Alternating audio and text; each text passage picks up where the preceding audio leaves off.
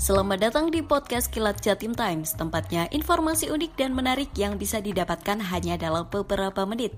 Quartet rock asal kota Kediri, Ikmo baru saja merilis single terbaru bertajuk Heads on Fire. Sejak dirilis pada akhir Februari 2021 lalu, lagu Heads on Fire sukses menerjang telinga pendengar dan penikmat musik rock masa lalu hingga masa kini.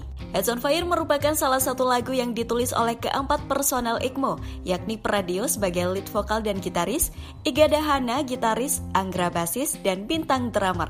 Lagu ini menceritakan konflik idealisme dan realita di lingkungan kerja Permainan drum bintang dan petikan bass Anggra begitu terasa di awal lagu dengan tempo cepat yang menunjukkan emosi mendalam. Kolaborasi tersebut pun direspons oleh permainan gitar Iga dan suara melengking radio. Terasa sekali dalam lirik dan komposisi musik yang disajikan Ikmo menunjukkan sebuah perkara mengakali sistem untuk sekadar survive dan membangkang kepada atasan atas nama cari makan. Pradio selaku lead vokal dan frontman Ikmo mengatakan lagu Heads on Fire jika digambarkan secara garis besarnya bercerita seorang anak buah yang memberontak kepada atasan atau bosnya. Sebabnya antara lain adanya kesenjangan atas upah dan pekerjaan yang ia lakukan yang mana merupakan hasil pengamatan dan pengalaman personal. Track andalan Ikmo tahun 2021 yang terasa sekali emosi berapi-apinya ini dikemas juga oleh sajian artwork yang juga membara. Ikmo pun mengajak seniman asal Malang yakni Pucat Pena untuk menggarap desain sampul Heads on Fire. Sedikit informasi, Pucat Pena adalah seorang visual artist yang telah melahirkan artwork-artwork berbagai band baik dalam maupun luar Indonesia.